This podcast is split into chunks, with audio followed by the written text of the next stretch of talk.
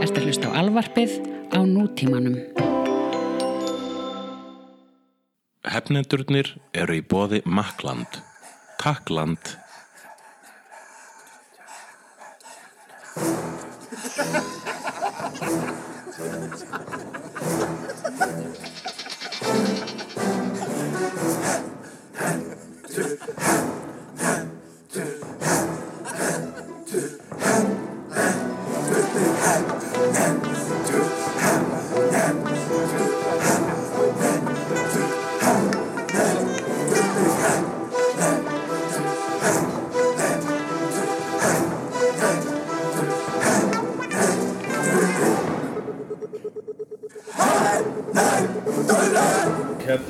Hvort myndir þú frekar vilja deyta varúlf eða vampíru?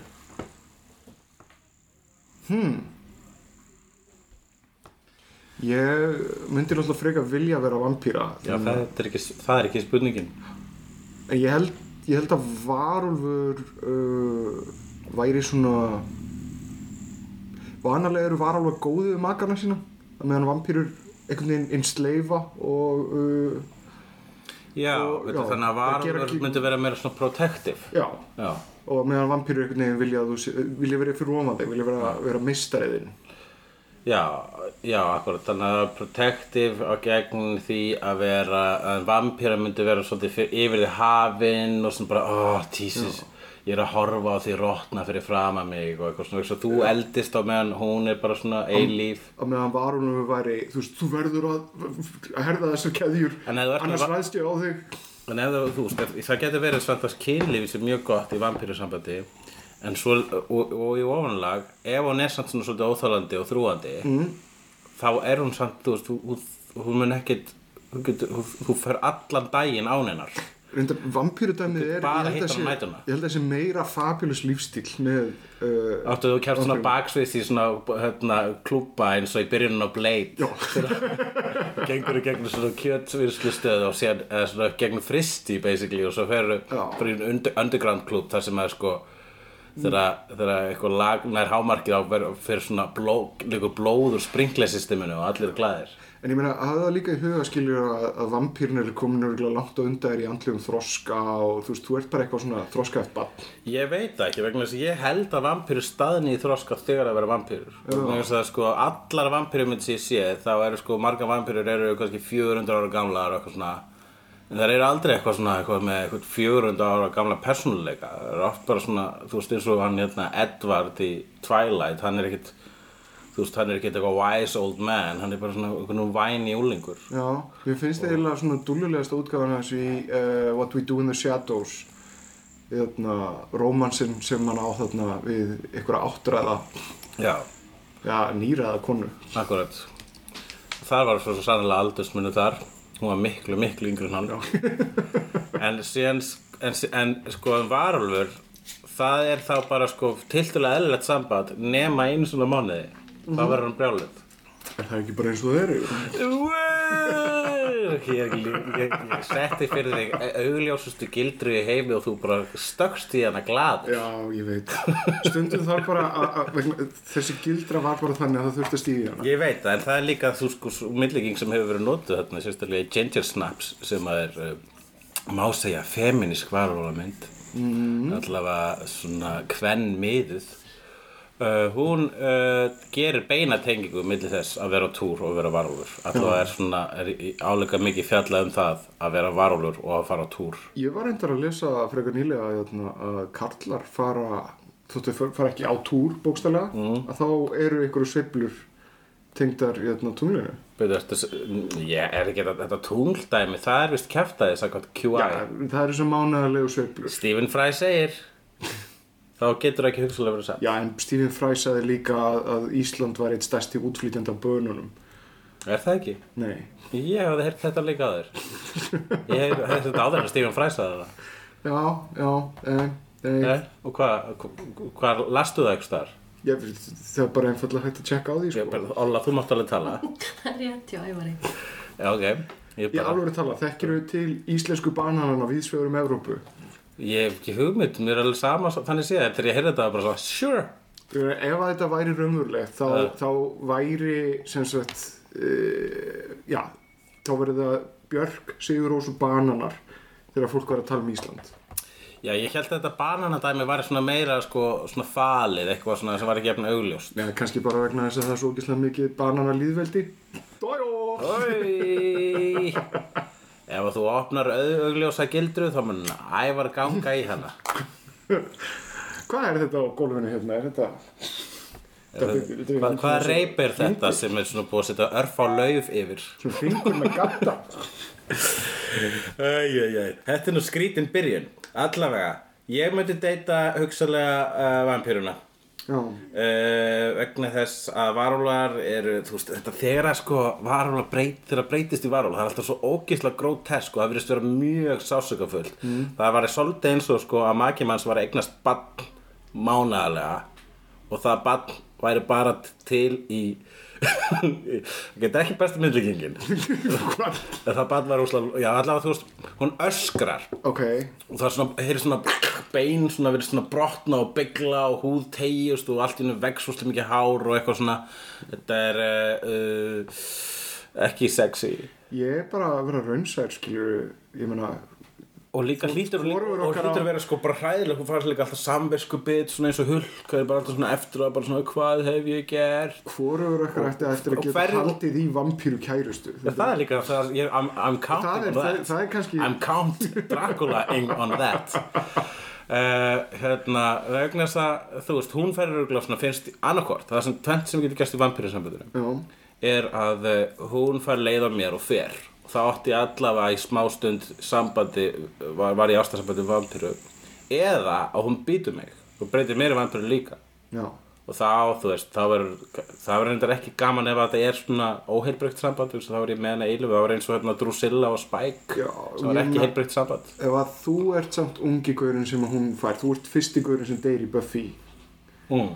Þú ert drepinn, þú ert, ert kanonfötur Það er eldri alveg Já, ok, þannig vegna, vegna þess að ég er sem er svona, þú veist, meira sjálfmennend og spennandi. Við Þú ert ef- redshirt ef, væri, vampíruheiminum. ef ég væri hvað, þú þarft ekki að gera fastlega ráð fyrir því. Allir byrja sem fórnalamb í vampýrum þannig að ég gæti alveg orðið Spike sko. Nei, bara ef þú ert með, einmitt, 100 ára vampíru mm. þá er hún miklu snjallar í því að halda sér lifandi og það er kannski aðalega Þú ert að hugsa um ef við búum í einhverju svona dæmigjum sagnastúrt nýgerða kærastanum sínum í veg fyrir, fyrir stjakan En í veruleikanum, sko, þá, þá er ekki, sögutræðir eru ekki, eru ekki í veruleikanum. Þannig að það er ekki svona, þú veist, það er ekki neitt dæmigert sem gerist í veruleikanum. Þannig að ef ég er bitinn þá er það ekki, þú veist, þú ert að reyða þig á það að það, ef þetta væri Buffy þáttur þá er meiri líklegt að ég er í drepin vegna þess að, að vera bitinn af stóru vampirunni. Þannig að af hverju fylgir maður ekki sagna sem sagt, struktúr þegar þú erum að tala um sagna verur Ég, nei, ég er að tala um, er um hypothetiska, hérna, svona aðstæður sem að myndu Já. gerast í okkar veruleika. Hvernig væri raunsæ vampíra í þínum auga? Sko, þú veist, þú, Var ert- það svona Cassidy Preacher? þetta verður, ég er bara, þetta er svona standard vampíra má ekki fara í sól uh, er drepin af við, viði Eitthvað svona trúardót eða... já, kannski brennir sig ef hún snertu kross Já. og eitthvað svona, bara svona standard ekki, ekki svona, fa- svona helstu reglurnar Hvernig er með það? Er það hvaða kross sem er eða þarf það að vera einhver helgaðu kross? Hvað hún sest á, þú veist, gangstéttarhellu? Mér finnst þetta crossdæmi alltaf að vera svolítið bjánulegt sko, vegna þess að þá ég, ég meina að þú veist vegna þess að í sérstaklega í Buffy þá er sko gert ráð fyrir að séu sko alls konar hell dimensions og alls konar heaven dimensions mm. þannig að sko í Buffy þá er basically búið að segja að Jésús er til vegna þess að þessi kross væri ekki heilagur mm.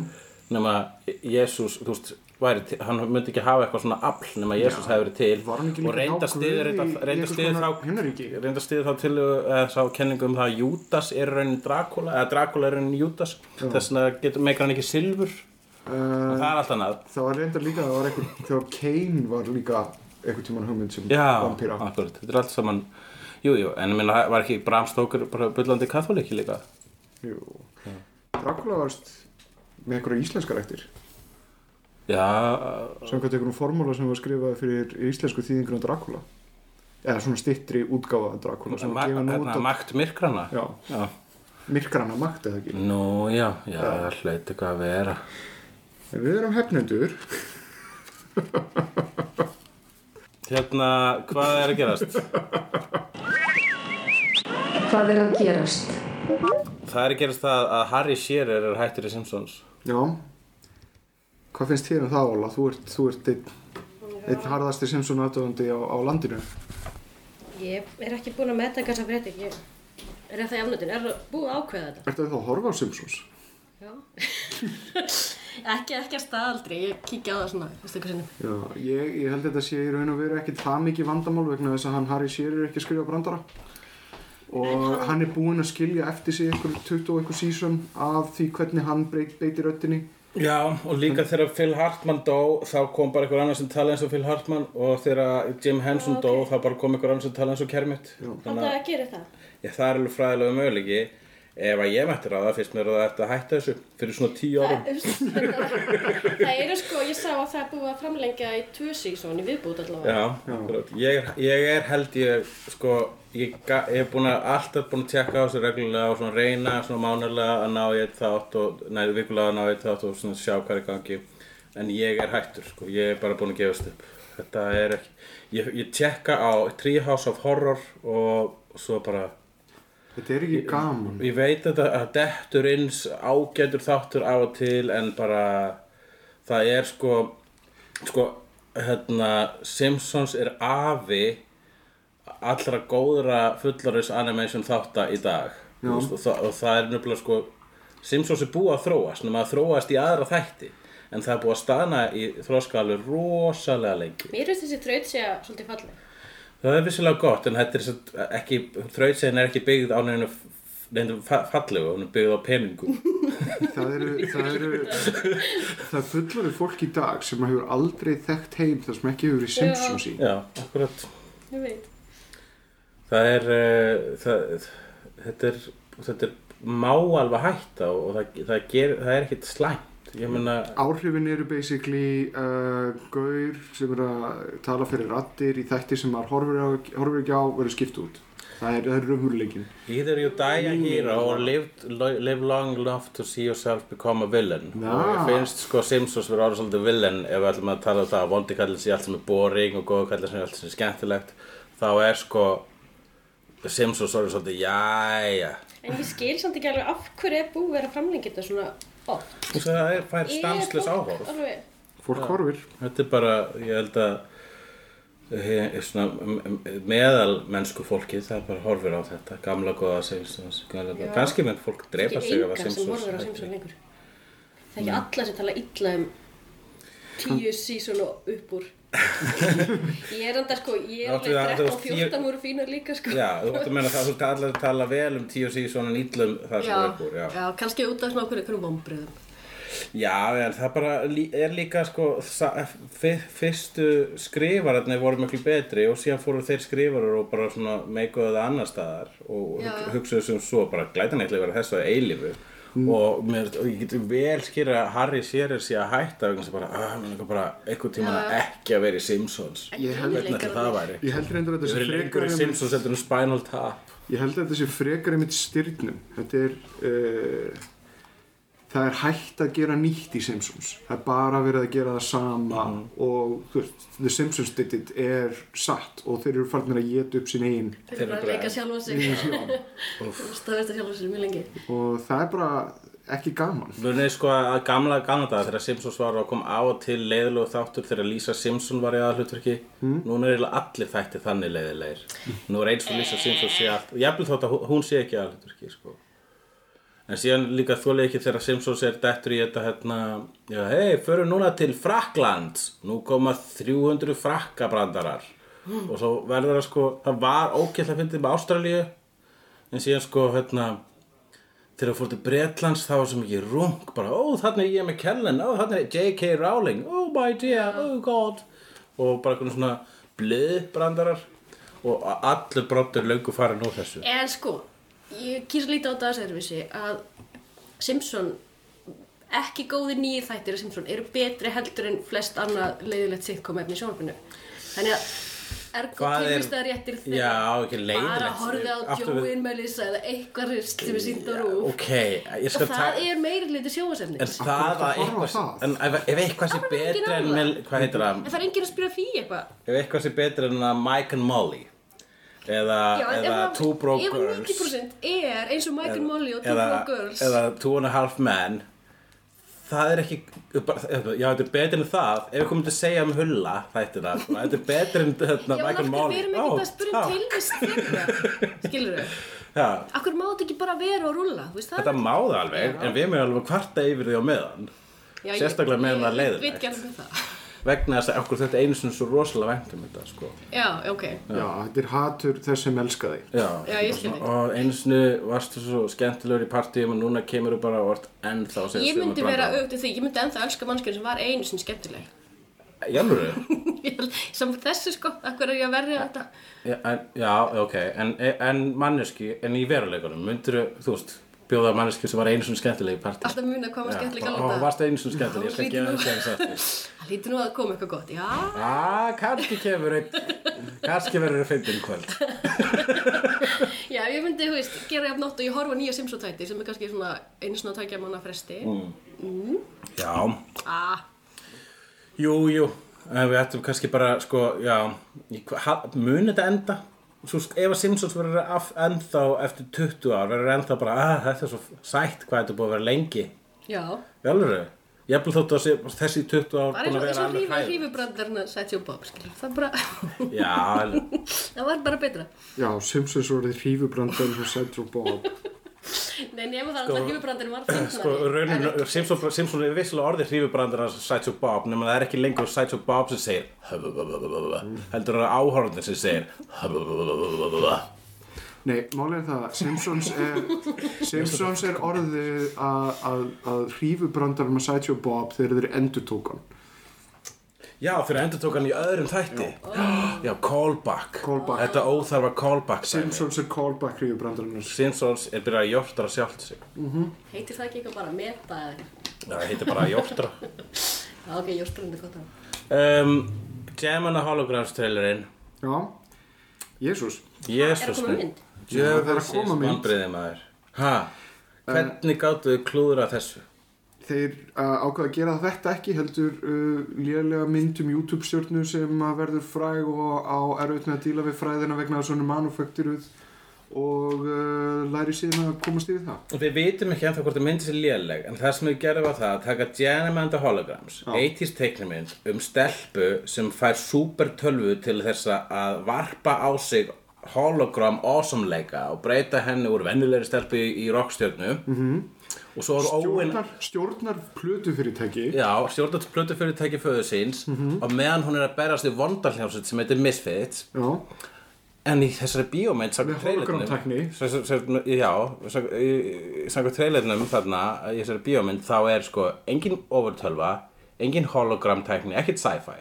Og engin vond hljómsveit. Nei. heldur bara hei við, eitthvað svona þetta er sami sögutræður var í Josie and the Pussycats myndinni. Þetta er nákvæmlega sami nei, þetta er, þetta er, þetta sög- þetta sögurþráðin sem Josie and the Pussycat myndin var að gera grín af Já, sem er einmitt, einmitt, þú veist, sorglegt að, að hvað, var þetta 90s myndi eða early 2000 hún var svona 90s eitthvað. Já. Já, ég man ekki. Er meira framsækin heldur en það nýjasta sem er að koma Já, það sem ég Fyrir stelpur. Og líka þetta er bara meira eins og Josie and the Pussycats heldur en Jam. Akkur gerðu þá ekki bara Josie and the Pussycats Er þetta hérna teiknumynd eða? Nei, þetta er, þetta er. Þetta er ekki mynd. sko. Og hún, mér er sko Sko, það sem er nálagast Jam er í þessu er málningi sem hún er með framan eða sér. En það er beyond me þess vegna í dag sérstaklega þegar teiknimynda og comicsmyndir eru svona vinsarar að þau skildu ekki byggja það á teiknimyndinni Ég held að Það er skrítið. Það er nefnilega það, stóra, stóra meikar ekki vandamáli í þessu liggur í því að þeir í staðan fyrir það að gera góða sögu þá ákveður að gera eitthvað fyrir stelpur og þar van þetta, þetta er einmitt þarna eru uh, stelpur gífulega vanmetnar mm Mhm. þannig að þetta er enn eitt dæmi um það að það sem gert er á fyrir að stelpur hafi ekki gaman af sci-fi gamla daga, þá var Jam and the Holograms eina teiknumyndin sem var fyrir stelpur. Já, Það var eina sem mér fannst skemmtilegt, það var bara Thundercats og Dungeons and Dragons og eitthvað liðindi. Og Transformers, Hey, nei, mér finnst það allt leiðilegt Nei, ég skil hvað að meina, það var í, í Thundercats og Dungeons Dragons, það var, það var með, bæ, bæ, þú gerir spæðið segja um strimpufaktorinn, það var bara ein stelpa. Já, þetta var líka bara, þetta var bara eitthvað Unjam var hann eins og Það bara svona, bara, það, alla personuna voru stelpur og svo svona þrý kallar. Já. Og hérna, og þessuna, og, og líka með það vondu kallarnir skulle eru stelpur, góða kallarnir eru stelpur og síðan, einmitt, einmitt bara, þú veist, og var líka skemmtileg svona ádela, ég er nefnilega að downloadaði völdum þáttum að Diamond og Hologram sem búin að horfa, þetta nýlega. Mhm. Þetta er dásalega bonkers brjálæði, þetta er klikkað stöf. Þetta er fyndið og ég held að það sé svolítið svona meðvitað postmótinist jafnvel Já. en það skildi einhvern veginn svona Það er verið að reyna að gera skemmt. draga allt fönnið úr þessu og reyna, það er bara að vera þú veist, að gera þetta venjulegt Já, það sem Gemini Holograms var, var skemmtileg saga sem vildi svo til að fjallaði um konur. talandi um skemmtilega sögur sem vil, vilja svo til að fjalla um konur það er Supergirl trailerinn, ég sá hann Shit, hvað það var. Mér varst mjög kaltænslegt, það var langi trailerinn sem var eitthvað 6-7 mínútur. ég sá, við sá þessi, þessi trailer ég sá svona þrjá þætti hann, í heilinu það, sem er, það sem er svo ógeðslega fyndið er það að þetta er næstu í beat for beat það sem að vera verið að gera grín í Saturday Night Live Þarna Black Widow. ég það. Sem er svona, á, hann vinnur hjá ykkur í tískuhúsi og hérna, þetta, er bara nákvæmlega sama, var- sami Ég sögurþröður veit það og ég horfði á þetta ég, bara ég þarf ekki að segja þetta. Þetta segir, þetta segir basically hvernig fyrsti þátturinn endar og síðan segir það svolítið hvernig næsti þáttur byrjar og eiginlega hvernig hann endar líka. Þetta var raunverulegt Ég ætla ekki alveg að taka undir þetta sé ömulegt vegna þess að e, það sem þetta var er eins og flash. Þetta er krakkaþáttur. Ok, og ég held að ef þú voru 12 ára stelpa og horfa þetta Supergirl dæmi ég held að það sé bara frábært. Ég held að það sé æðislegt. Og það eina sem ég hef út af þú veist, ef ég horfa í því, í því samengi þá hef ég bara út af eitt að setja. Og það í þessu dæmi þá er Supergirl eitthvað svona You all know my cousin, Superman but I'm Kara also from Krypton, bla bla bla bla bla og þá var þetta að gerast í sama heim og Superman er til. Ég held að þau hefðu ef alveg komast upp með það að láta hana bara vera Superman þessa heims. Já, vegna þess að það er eitthvað svo skrítið að hún sé eitthvað svona að e, bjarga mannslífum og öllu og heiminum þarna í, í þessum heimi. Og svo er Superman bara eitthvað svona uh, frændin sem lætur aldrei sjá sig og sendir svona gjafir í gegnum post Já. hann er svona, svona uh, neglective frændi það er alveg hægt að búa til hérna, heim, það er alveg hægt að búa til hérna, Supergirl þátt án þess að segja já hún er sko eins og Superman. Það er alveg hægt. -hmm. þannig að ég held sko að sem krakkarþáttur virkir þetta vel en ég held að við mátt sleppa ég, náði ekki alveg af hverju var nöðsynlegt að minnast á Karl El þarna. Já uh, talandum Kara-Lel, hún heitir Kara Sorel. Mm en uh, hefur tekið sér nafnið, hvað var það, Kara Kent eða hvað, ég veit ekki. Nei, nei, það var hérna uh, hvað heitir það aftur? Kara Danvers eða eitthvað líka. Mm -hmm. Hún heitir Kara- Danvers. Já, Kara Danvers. Það er bara tilviljun. Nei, hún heitir sama, næstu sama nafni og ég held, að, ég held að DC sé að bitcha. Ég þetta er tilturlega nýlega komið. Heldur það? Já, það er leim ef ætla, ef DC ætlar að skjóta á Marvel þá hljóta þeir að geta komið betur högg en þetta. Mm, Já, ég held að ég held að sé tilviljun ég held að hún heiti Danvers í blöðunum heitir hún ekki Danvers í blöðunum? Gó, málega það, hún heitir Linda Danvers Ah, alveg svo Linda Carter Nei, uh, Er það að skota hérna Lindu hérna sem lék Wonder Woman? já, Það þetta, getur ekki verið tilvílun. sko Linda Danvers er hérna sem sagt uh, karakter í DC heiminum sem að debuteraði 96 eða eitthvað svoleiðis. það er Secret Identity sem að Ka- Kara svo Það er var með sko, DC heimur er allir morandi í, í, í fólki frá Krypton, sko. Hann er, hann er ekkert sérstaklega spes, hann Superman í rauninni. Hann á eitthvað svona fjórar frængur átt núti. En mér finnst þetta, þetta Kara Danvers vs. Carol Danvers Mm. Mér finnst þetta, þetta, þetta, þetta er ekki Þetta er að, ekki, þetta er ekki cool ég held að þú sért að hérna, þetta sé bara tilviljun og þú sért að uh, hafa áhyggjur eða ég veit ekki að spá í nákvæmlega engu. Þetta er ekki tilviljun hvers, hvers konar höfundur sem er að skrifa bara kemur einhver DC hérna svona höfupör og segja fyrir ekki, látt hann heita Danvers. -hmm. því þá geta Marvel ekki gert mynd um Karel Danvers a.k.a. Captain Marvel. Já, skemmum það. Eins og, og Mar veistu hvað Marvel er um að gera? Uh, ok, gera það samt. Já, þannig að þú veist þetta er lé, þú, þú veist, ef Það er einhvern að segja að þetta sé gott plot ég held að, Ég held að þetta sé stúpid Við ákvörðun fullri virðingu fyrir hérna, lágkórunu sem er í sko, svona fyrirtækjastríði þá Mhm. held ég að fyrirtæki berjast aðeins svona betur en þetta sko. Já, eða þá Marvel rippaði of Carol Danvers Já, Marvel reyndar rippar á flestu frá DC Mhm. og gera bara síðan betur Talandi um Marvel, Black Widow Já, þú varst með eitthvað um hana? Já um, sem sagt Black Widow hefur einhvern veginn verið skrifuð úr uh, Avengers-sögunni í leikvanglínunni bara alveg komplett. Já, hún er ekki einu sinni á mótihjólunu sem hún er á í myndinni. Nei, það er hérna, það kom út leikvangar mitt, flögin þar sem að móturhjól stekkur út og það er búið að setja Captain America á það móturhjólu staðin uh, á öllu svona auðlýsingadóti, ég meina jafnir á Lego þá, þú veist, þá er líka búið að skúpla inn út fyrir einhvern annan. Og það er bara Hulk, Iron Man, Thor og Captain America kostjumgæjarnir sem eru front and center. Uh, en já, en Black Widow bara einhvern veginn hefur verið ítt í hliðar. Já, þetta er glata, þetta meikar ekki eins og sens sko, vegna þess að það er, uh, ég held að sko, ég meina, þú veist, þetta er byggt á okkur svona 40 ára gamalli markarsfræði Mhm. um það að strákar leika sér á köllum og stelpur leika sér á dúkum. Mhm. Og uh, ég, uh, ég man þegar ég var í búð einu sinni í Liverpool, maður þetta er leikfangabúðin í Liverpool? Þá var hérna, uh, það var Thundercats kallanir Já, og mig langaði í hérna Chitara Chitara. Mér Hvað hana og ég, var að, og ég átti pening og var að fara að kaupa hana. Já, og þá er sko eitthvað svona eitthvað annar strákur með mömmu sinni og hann er eitthvað svona já, mér langar kannski Pumra ég á Lionel uh, ekki Chitara því það er stelpa. Og ætla kannski fá þetta og þú veist, hvernig hann dismissaði hana þá fann ég fyrir svona skömm að langa í Chitaru og sleppti að kaupa hana síðan eftir enn þetta í dag. Feðraveldi maður. Það er að veldi Fokkin ferð. mér langar að fara í ákvært að lesa núna. Reyndar eitt jú, ok. uh, áður. Hérna, Daniel Craig er í nýju Star Wars myndinni. James Bond? Já. Ok. Og hann er í nýju Star Wars myndinni sem Stormtrooper og það sést aldrei í hann. Hann bara fekk tækifæri til þess og fekk að stökku í búning. Það er mjög cool Svo Edgar Wright og Simon Pegg eru í myndinni Land of the Dead. Já, Já, þeir eru zombíur þar. Ég er alltaf hrifin af svona, svona, svona földum cameóum sem er ekki einu svona cameo, þau eru bara svona þeir fengur bara að vera menn. Já, eins og Lloyd Kaufman var í hérna uh, Guardians of the Galaxy. Já, er það? Já, þess að hann lærifæður John Gunn, James Gunn. Já, já, frá gömlu tróma árunum Ég er í hérna skrapp út. En ég er reynda með línur þar Þannig að það er ekki alveg hérna cameo.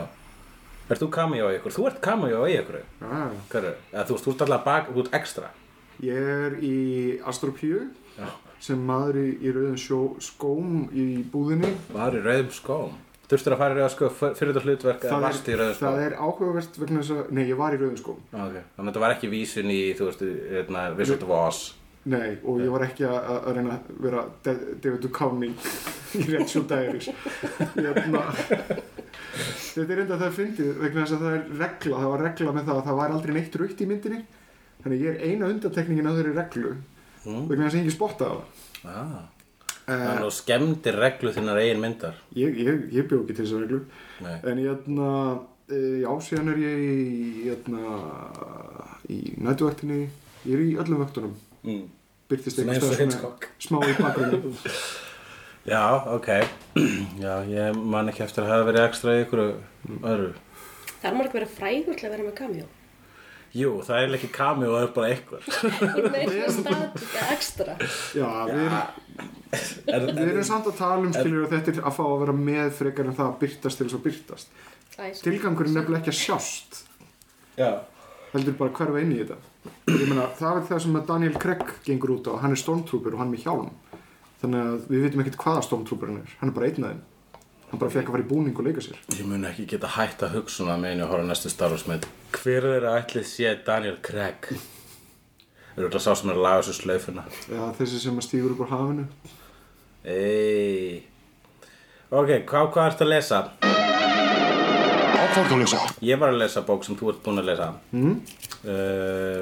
Mark Millar sem er verið fyrir einu höfundur sem við lesum en uh, Mark Millar skrifa ég las fyrsta bindið í Jupiter, Legacy Já, og þetta er ógeðslega spennandi og ég, mjög, ég held þetta væri svona ein saga í einni bók eins og flestar bækurnar hans eh, þessar svona ofurhyttju dæmisögur hans uh, ég, Millars, en nei, þetta ætlar að halda áfram sem ég er glaður með og líka fúll með vegna sem núna þarf ég að býða eftir næstu bók Eitt- eða að fá mér iPad eins og þú og lesa þetta á iPad já, eitt reynda með með Jupiter's Legacy er það, hérna, maður veit alveg að Mark Millar er búinn að skrifa söguna algjörlega út. Já. Frá byrjun til enda. Er nokkuð Hann gerði það fyrstu helgina, sko. Nei, hvað er hvað er þetta löngsa, veistu það? Ég bara hreinlega veit það ekki. Nei, en þetta er, er nokkuð ljóst að þetta er skipulögt, uh, skipulögð uh, epic. En ég held að peysið á Frank Quidley sé að valda því að hann, Mark Millar er að endurskrifa þetta og gera þetta betur og ekki bara svona henda þessu út hratt og gera góða hugmynd. Nei, akkurat. Vegna þess að þetta er eiginlega bara, þetta er með besta sem hann hefur gert. Frank Whitley teiknar hægt en það er líka besti teiknar í heimi og ef þú ætlar að láta hann teikna söguna þína þá skaltu gera ráð fyrir því að hann er lengi að því uh, Mér finnst sko ef við vorum að tala um nýlega til þess að við lásum Kingsman sem heit Secret Service þegar uh, Mark Miller skrifaði hana að uh, bíómyndin er betur en bókin mm. og ég myndi það, það, ég, ég fyrir eftir í bara að dagamunur á mig hvort mér finnst kikkas bókin betri eða myndin betri mm. og en það, hér verðist raunin verðist vera þessi að hann á ekki erfitt með að láta kvikmyndabækurnar sínar. Wanted, uh, bókin betri en myndin.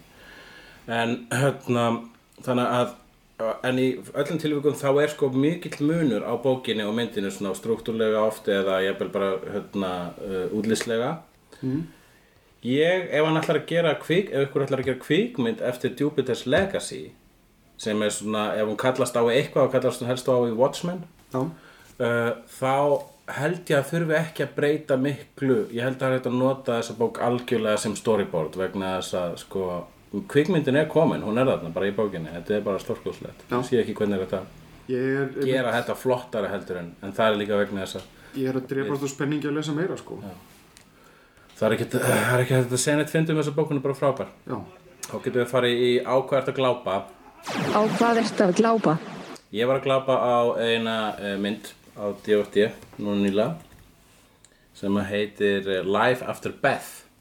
Já, og er uh, mynd með henni Aubrey Plaza í aðhlutverki mm. og hann, hann Dane Dehan.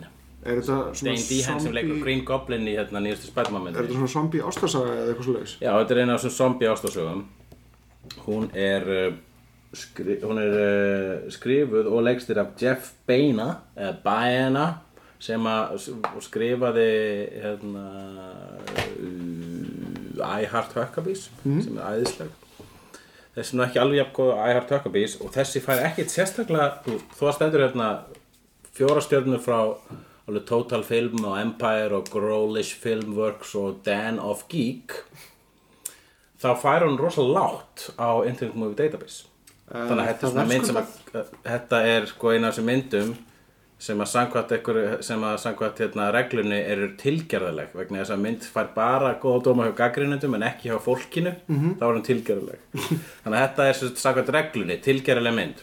Byrjuðu, fær hún, ha? hún fær eitthvað fimm á Internet Movie Database en hjá gaggrinundum fær hún bara svona fullt hús og bara fullt á góðum dómum. Já, Uh, ég sá trailerinn af þessari mynd og trailerinn breytti algjörlega, þú veist, vegna uh, trailerinn lét líta út fyrir að þessi mynd væri svona miklu meira mainstream screwball dæmigermynd.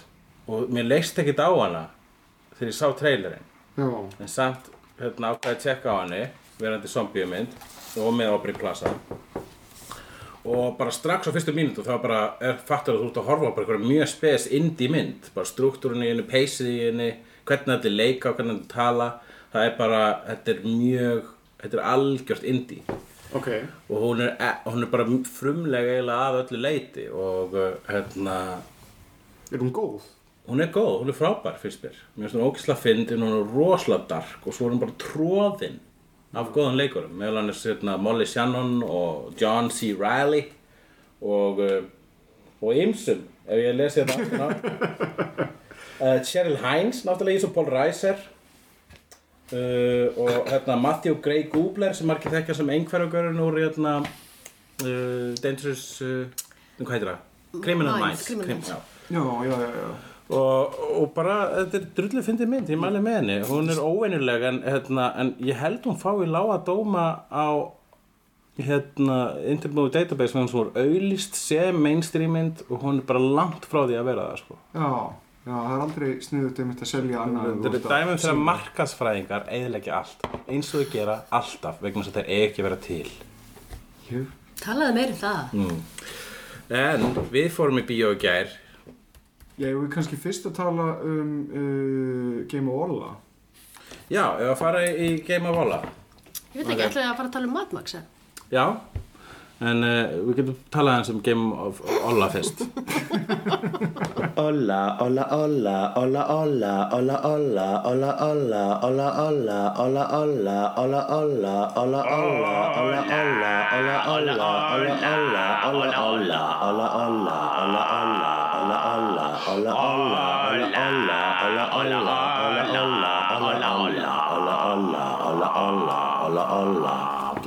Olla, þú fórst að klára annað sísón. Já, Ég bæði við, sorry ég kallaði Þrolla, mér fannst það bara Thrones, Olla, Þrolla. ég veit, þetta er borlegjandi. Þetta er borleikandi, en það var ekki, það var ekki samþykkt. Fyrir utan það var þetta ekki því samþygt, eða svona svona íslenskt orð, þetta var Torrolla. Torrolla. Thrones, Óla Fía, Ég veit, ég, ég var bara að vera mjög stæla, sko. Ég tók þess ekki nærmur. Þróla Fía? Nei. Eða bara All of Thrones. Þú varst búin að klára annað sísón. Já, ég kláraði að loksins. Hvað gerist í öðru sísóni? Bara bæði við, fyrir ykkur sem hafi ekki séð Game of Thrones ever og alltaf eitthvað um að horfa á það, er Agúga! Agúga! Spoiler alert! Get ég sem sagt verið með spoiler alert núna fyrir aðra? Uh, já, þú Fólk er alveg bara er að ég- fyrir munnin alltaf þegar að tala um mig núna. Við erum að tala um Game of Thrones, að Nú þið ert þú búin að sjá tvö gildi kannski að ef, ef fólk er ekki búin að sjá þetta yfir höfuð, Já. þá ertu, þá ertu Já, alveg að fara að eða ég líka. Ég meiri sem spoilaði áðan. Áður en ég kominga þá var ég að reyna að rifja upp, sko, hvað karakterinn heita. Já. Það er svona, finnst mér mjög erfitt stundum, þannig ég klikka hana Game of Thrones wiki, Ah, ég klikka karakter. Ekki fara á netið og ég sá svona til liðsjóna svona, svona hinum einn við auga á mér að eitthvað að hérna, því ég, ég veit um þetta Red Wedding aðri, ég er búin að heyra um það síðan það var til, ég veit þetta ekki hvað gerist í því og ég er búin að halda frá mér en núna veit ég smá Já, já, ég uh, talaðu Red Wedding, bara það að þáttunni hétt Red Wedding, þá fór bara hausinn minna Já, stað. það segir svolítið mikið Það er reynd að tala um þetta Red Wedding atrið út á því að þetta, þessi bók er búin að vera til í einhverja Já. einhver 5-6 ár En gau, þú, og uh, um George R. R. Martin sagði jæja núna vitið því hversu nördavinnir eitthvað voru að skæla fyrir þessum 5-6 árum það er sko, og, og, og bara teka ofana fyrir öllum nördunum sem lásu bækurnar og heldur kæfti alla þennan tíma. Það heldur gott. En En síðan, það er hvað? Það er í þriði serju það er í þriðju seríu, Já. held ég, já. Að þessi serja svona faktist var það gerðist ekkert svakalega mikið í henni Það gerist fór lítið Það í er, þessu það er seríu. verið að undirbyggja rosalega mikið af hlutum Já. og þegar hún byrjar þá er hún ógislega flókin ég horfði á hana með vini mínum sem að hún valda sem að, að hún að lesa bækun og hann var svona my first hand, hann var svona að segja mér ok, Og hann var búin að horfa á þetta líka. já, já, já og þá svona útskýra fyrir mér hluti sem það voru ykkur, ykkur karakter þarna þarna til Stannis og Renly fjölskyldan það vissi ég ekki hvað var mm.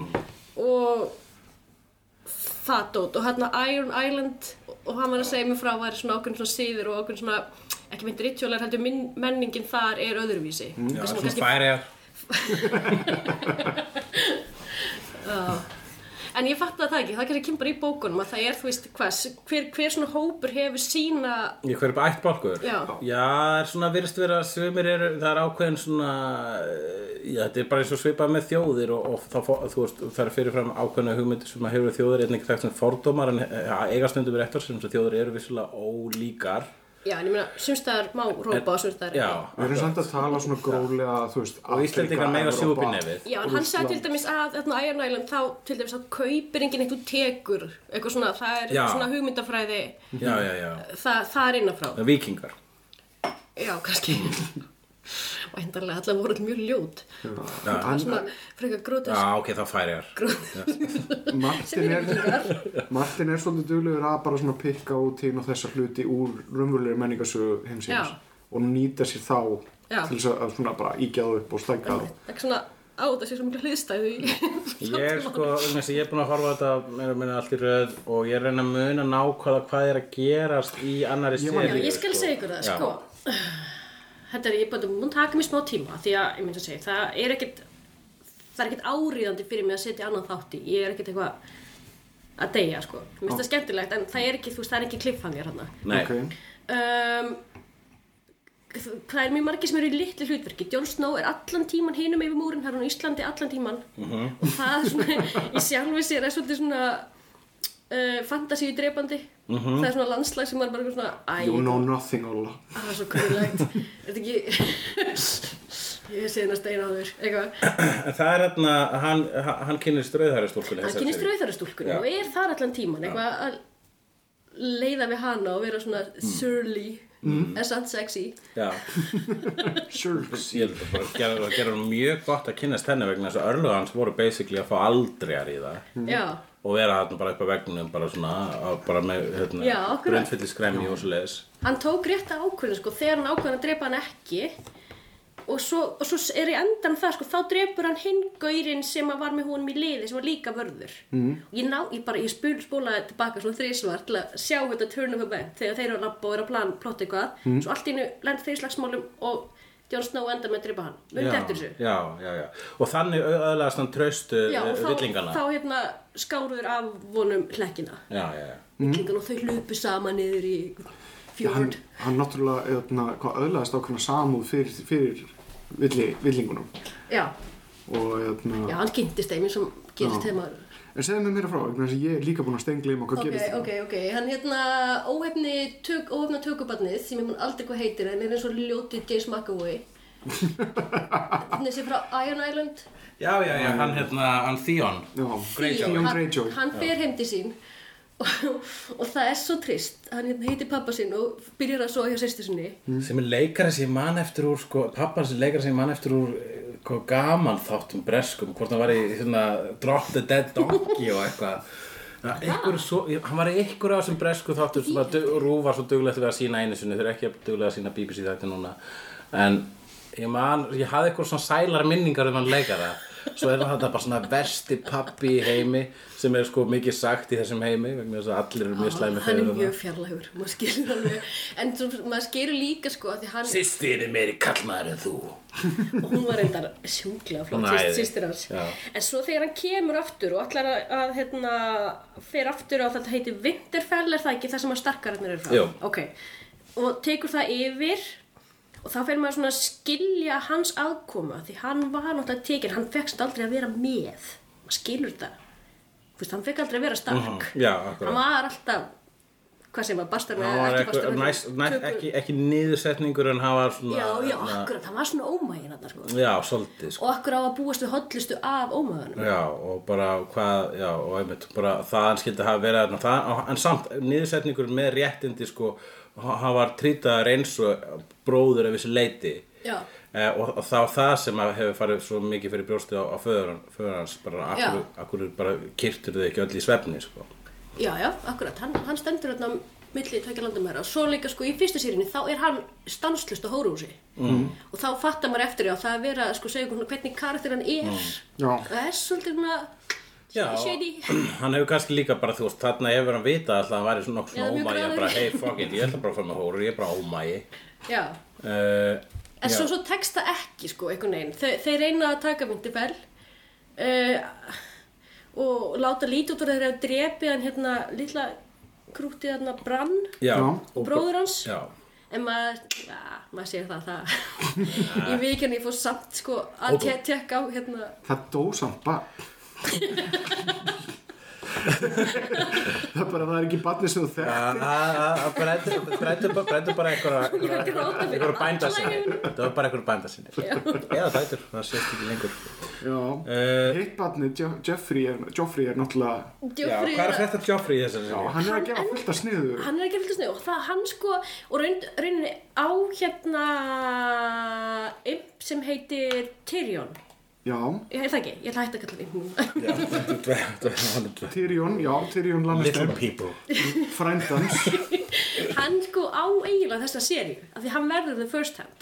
Já. hann byrjar að leik, tekka svona leikfléttur og, og þú veist, og sanna sig í rauninni en náttúrulega ekki fyrir föðu einum Fættur í pólitík já, akkurat, Já. það er bara mjög gaman og stórkvæmt að fylgjast Það er með æðislegt sko. Og þa- þarna en enda svolítið illa því pappas kemur og bjargar hérna bardaganum Já, þetta er uh, þegar að hérna, bardaginn við King's Landing er hérna þegar uh, Stannis krúið þarna og Wildfire. Tyrion rótaður Wildfire, eitthvað staðar já. í, í, í, í endar alltaf rotaður í ekki Hann er ekki mikill bóur í, í, í orðstöðu Nei, nei, hann er ekki sterkastur en hann, hann kann að halda ræður. Já, Já.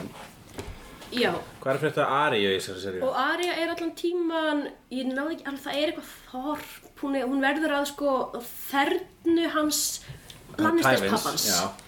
og þar myndast eitthvað svolítið svona furðulegt skrítið trúnaðarsamband Já. upp að muni þessu? Tævin skinnjar að, að, að þessi uh, steppa Hann- þarna er já. ekkert uh, svo vittlaus En það er bara hvernig það byrjar. Tævin kann að meta gáður já, ég segi, hann segir bara, að þú ert stelpa komdu að þjónaða mér. Og svo bara, það náttúrulega bara að spjalla. Svo er eitt samtal hér á milli sem ég var bara ég var bara, misti kjálkan í gulvið það var svo fallegt. Þá er hún að segja frá ef þau eru að tala saman um svona gamla góðsögur mm. ykkur að það voru dregi sem heit eitthvað, veitir þeir dregarnir voru til og þau hinn hann sem er voru, hinn Targaryen Já, þegar þau voru og hann segir, já, þessi drikki og þá segir hún, já, og líka þessi og þessi sem voru sko stelpudrykar hmm. og hann bara, ha, ég man ekki til því. Jú, þeir voru, já, alveg rétt, ég mun gleyma því. Og þetta er bara, þetta er nú klassísk þöggun. Mm. Þetta er, þá Já. var hún sem stelpa búin að halda upp á þessa drykka Já, Ok Að sjá þetta aftur Ég var ekki, já. Og þau í samtali þetta og svo já, svo kemur þetta eitthvað svona þú, þú ert nú aðeins svo gáfu til að vera ég veit ekki, cool minor star já, ok, hvað hva, hva, hva komst yfir allar svo bækur félagi? ég myndi að hvað það lesi, já, pappin getur mér að já, og svo veginn, hann veit alltaf eins og veit en samt einhvern veginn gengur ekki lengra sko. Nei, hann, hann sko skinjar hann síðan eitthvað uh, meira en hún þykist vera en hún dettur ekki hug á sér hún stark segir eitthvað svona, yes my lord. Nei, þið segið me lord. Já, já. Hann er svo, ég veist, tæfin, tæfin er alltaf svolítið uppáldi hjá mér sko vegna þess að hann er náttúrulega í vonda liðinu svolítið, allavega hans fjölskylda er hræðilega en hann samt sko hann er uh, make, hann meika bara svo mikið sens Ég get aldrei fyrirgefun hvernig hann kemur fram við Tyrion. Já, en hann, jú, jú, vissulega. Hann hefur alveg skýrar ástæði fyrir því svo en, en, en það er bara pragmatískur. En svo sko þegar þú veist þetta byrjar alltaf svona að koma upp þá fer maður að taka eftir að munið síðast þá voru við, eða kannski eftir þáttir einhver mann ekki, vorum eitthvað að ræða um og ég vildi eitthvað svona gera lítið úr kynjaglirurum og hérna og hluturski hvernig, ég nætti ekki að spá í því. Mm. já nei, þessi seria, hún bara springir þetta allt í loftu upp. Já. það eru allar geðvikislega flottara og svo magnaðan og fullbyrdilega máta og koma líka bara fleiri og koma fleiri, fleiri og fleiri og fleiri. Og það bara kemur að þú veist, ég nenni ekki svona að telja hausa lengur. Ég nenni ekki að spói hvað karakterið eru. Mm. af því þú veist, þetta er eiginlega bara þetta er algjörlega samþætt. Já, Það er góð bara saga með, með fullbörða sem, sko. að, Já. þar sem það er ekki verið að gera lítið ekkert eitthvað svona strong woman. Nei, nei, þú veist, þær eru bara umlegar og briskar og Já, það er engin, það það er er ekki bara það sem að krefst í sjónvarpyrjun það er eiginlega ekki til fullkomin persóna, í- þú veist það er allar eitthvað neginn gallaðar þarna sko. Ef það var einhver sem var vistist svona hálfparti verið gallalögst þá var hann hálsökunni fyrstu seríu Já, ég mynd og þegar einhver er, þá hugsa ég bara þú ert út auðið. Eins og hérna sjæ, hérna viðhaldið hans Tyrjóns, Ok, hún er svona aðeins og góð. Nú er hann svo góð Já, ég er að bitra. Það, er líka bara leikona sem leikur hana er, var klámyndaleikona rosalega mikið fyrfirandi klánleikonum sem að, Rosalega mikið. Já, það er eitthvað fjóra, fimm sko. Ó, ég held að það var bara Það er er aðalega kannski í, hérna, í eh, rekstrinum hans Littlefinger það, það eru konur sem eru tilbúin að En svo er engin tippi. Ég er búin að eitthvað smá samræðum um það. Af hverju er Wiener, engin wiener, tippi? wiener þeir, þeir, Er þeir það- koma það, það, þeir, þeir tóku mark á gaggrinni Já, ok. Já, það og þeir fóru að bæta hans við til eru tippi. Já. Ég, ég man ekki eftir neinu. Mér finnst tippi reynda svo óeftirminnaleg. sko, ég heldur þetta allan í bókunum síðast morandi í tilum sko. Já, Lítur að vera, þú ert ekki eitthvað að rít sko þá er bækur. En svo, sko, miða við síðasta seríu, það sem var bara eitthvað svona, svona eitt blótt í gangi, þannig eru svona 17. Já. Og klámið, eða kynlífið, það sem er miklu minna í þessari seríu. Það er svolítið eins og það hefur verið að byggja upp eitthvað í fyrstu seríunni og svo er það ekkert þú, miða við. Já, sko, Getur verið. þú er náttúrulega að gera grein fyrir því að þeir eru sem sagt, þeir byrja svona uh, löflétt já, já. til þess að koma þér inn í sem sagt, taktinu og svona og síðan eru þau auka sagt, hérna, levelin Þetta er masterful. Þetta er, þannig að það verður bara meira og meira og flóknar og flóknara og, og, og þú verður búin að læra hvernig þú ætti að takast á við það með því að horfa á það sem undan er gengið þannig, þannig að þetta er mín kænsla. Ég get ekki svona tvíta á meðan, sko. Er að setja pásu. Já Það er, við ætlum þá að ræða hérna um eina mynd sem að þarf ekki hafa séð neitt á undan hvað var þar og það er nýja Mad Max myndin sem að reyndar á það er sameigileg það, ef við ekki að slá botn í Game of Thrones stemmið með bara hvernig fannst þér annað sísón ah, okay. Og, er, og ég held að það komið fram, einhvern veginn. já, þú veist án að Köttu þetta út Og hvernig Ö, byrju. Og hvernig fannst þið þá annars sísón? Nei, það þarf ekki, kvötta það líka. Nei, Mér finnst það alveg hafa komið ekki. Já, það er alveg komið í gegn Já, Ég þarf að var- ekkert að gefa Það var eitthvað eitt staður náðan sem ég Já. hugsaði að skera þetta sko sem var hérna svona eitthvað lokapunktur með, tipp, Skera með, þetta? með tippi og þú slið finnst þú langar aldrei til þess að skera þegar við erum að tala en leið og kemur koni í setti þá bara byrjar þið strax með skerðum Það er ekki vita, þetta er kerfisbundur. Já, þetta Ég veit að ég er bara heila þeim uh, Ég er alltaf að skera eitthvað hluti út en bara það vegna þegar þeir, þeir eru endurtekningar segja til. Já, og ég held að við séum búin að segja allt sem ég þarf að segja. Já, en uh, við fórum í bíó.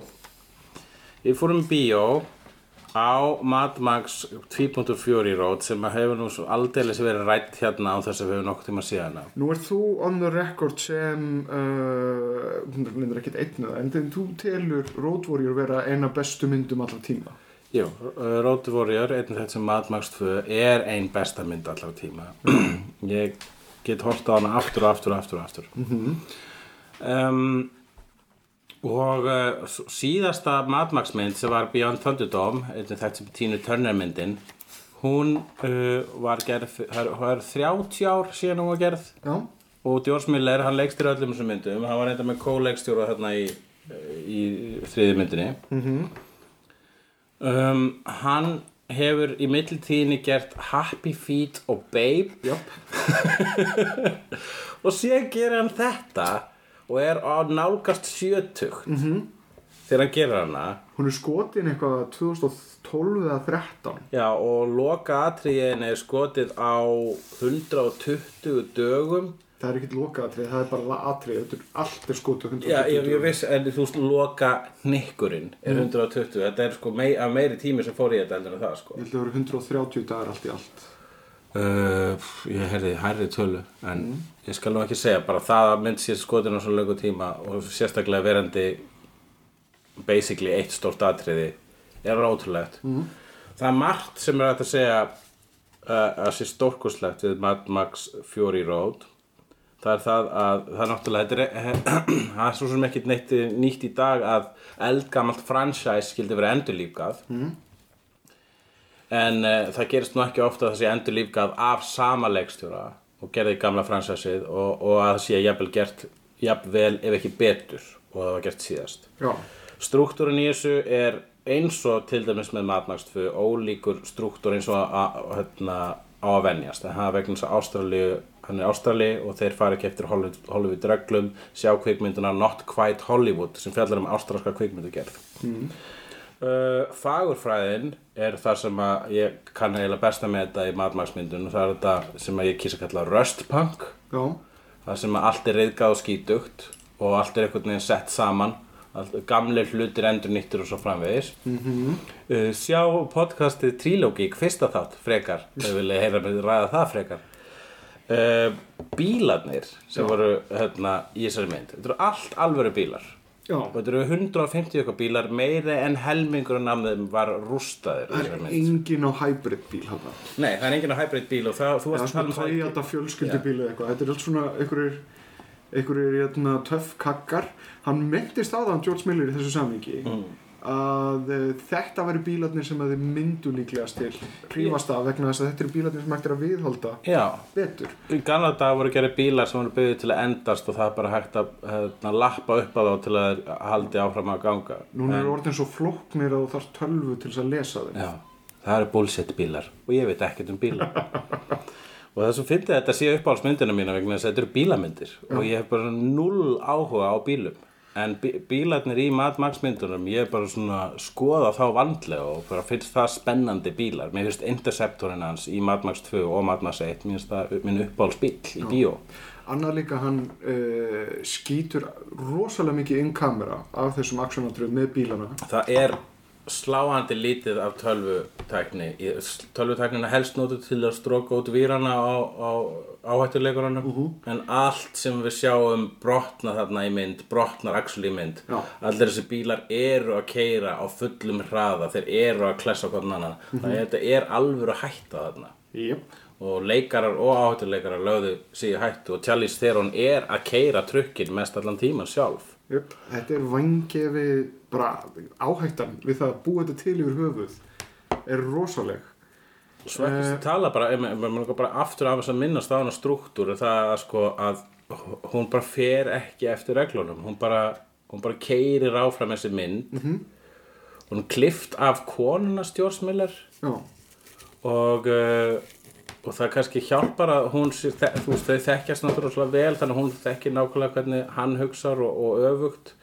Þannig að það sko það að myndi skulle renna svona fullkomlega vegna svona, svona, svona, svona samhugur sem er leikstyrir og, og klippin hana. Já eitthvað tvíhöða skrimsli eitthvað tvíhöða skrimsli Gott skrimsli En jæna, já En síðan það sem að sko hefur dottið bara stert inn í umræðinu og dottið eiginlega bara inn, í- inn á Facebook almennilega í dag núna eftir að sko hérna Mad Max Fury Road skall í bíó en bara bíó heimsins núna í vikunni mm.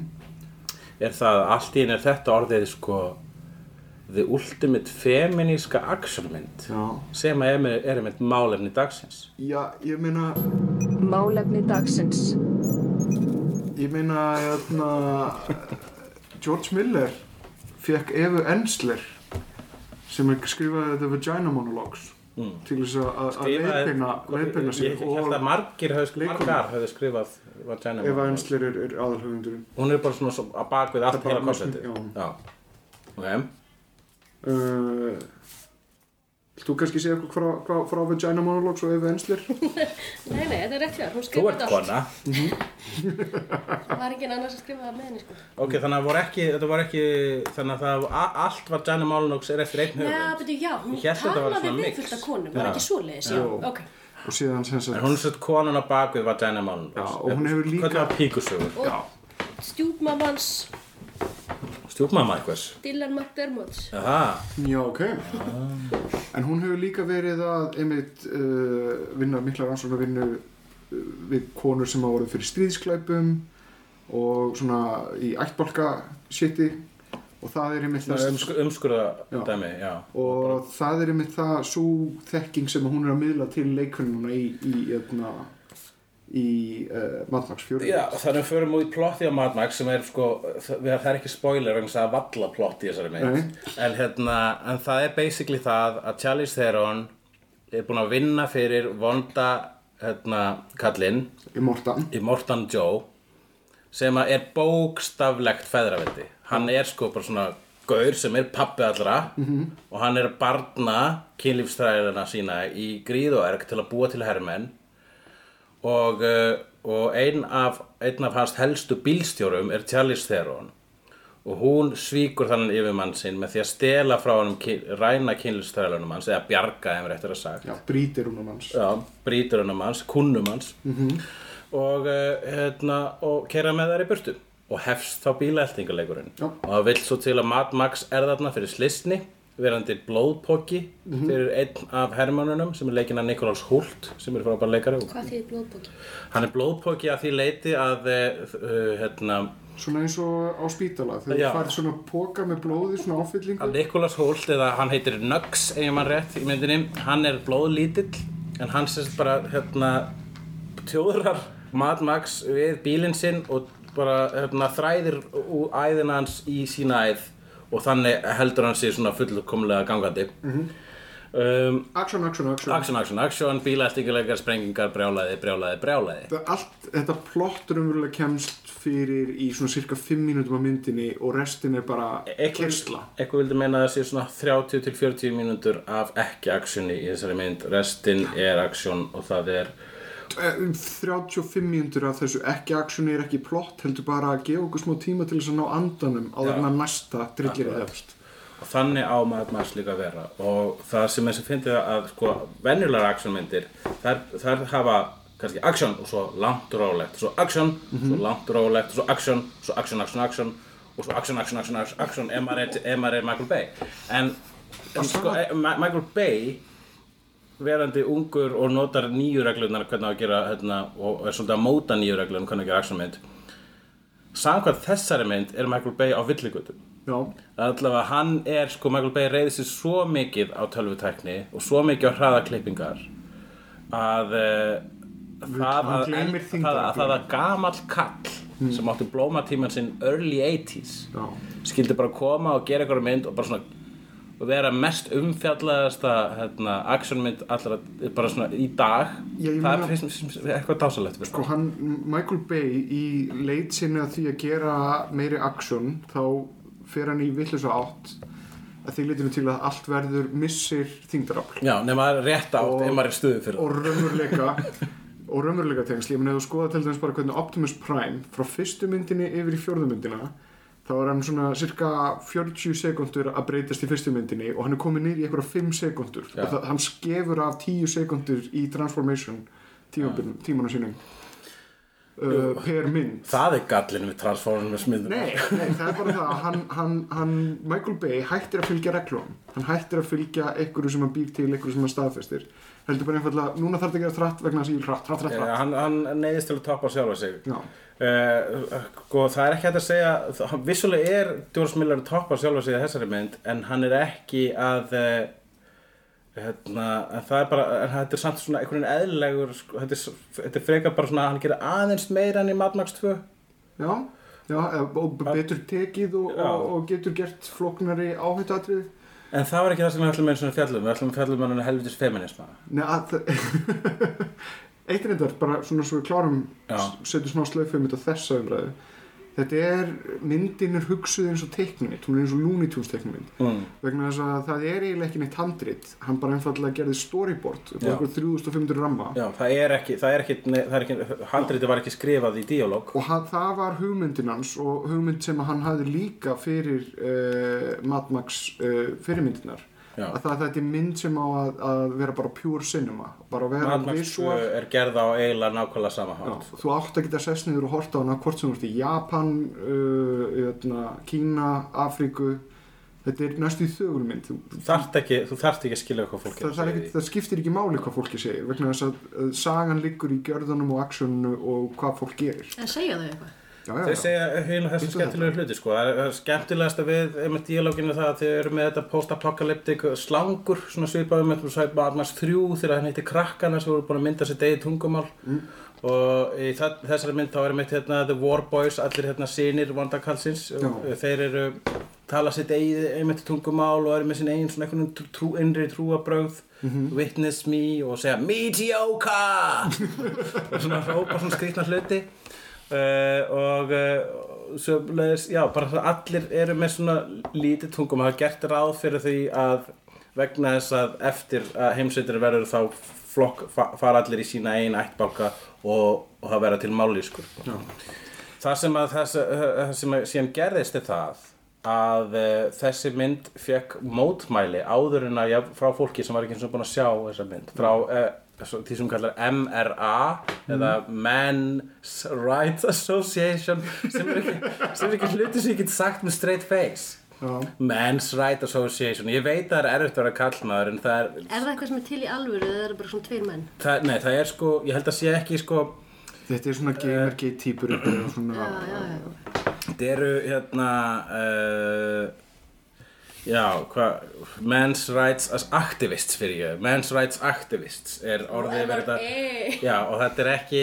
hérna, hérna þetta er ekki held ég, heldur sé, þetta er ekki sko, einhver Er ein, þetta- ein stofnun, þetta er bara svona orð yfir Er þetta er svarkalla við feminista Ég held, að, ég, að það sé, ég held að það gæti verið að þeir hafi fundið upp á þessu sjálfur sem svona anstæða við uh, SJ2 Hvað með okkur og okkar réttindi? Social Justice Warriors.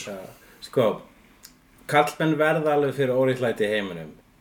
En uh, þessi kallmenn eru ekki að uh, einblýna á það ekki á einblýna hinn sönnu vandamál kallmanna vegna þess að þeir eru það er, einhver eitt sem að sendi opið bréf.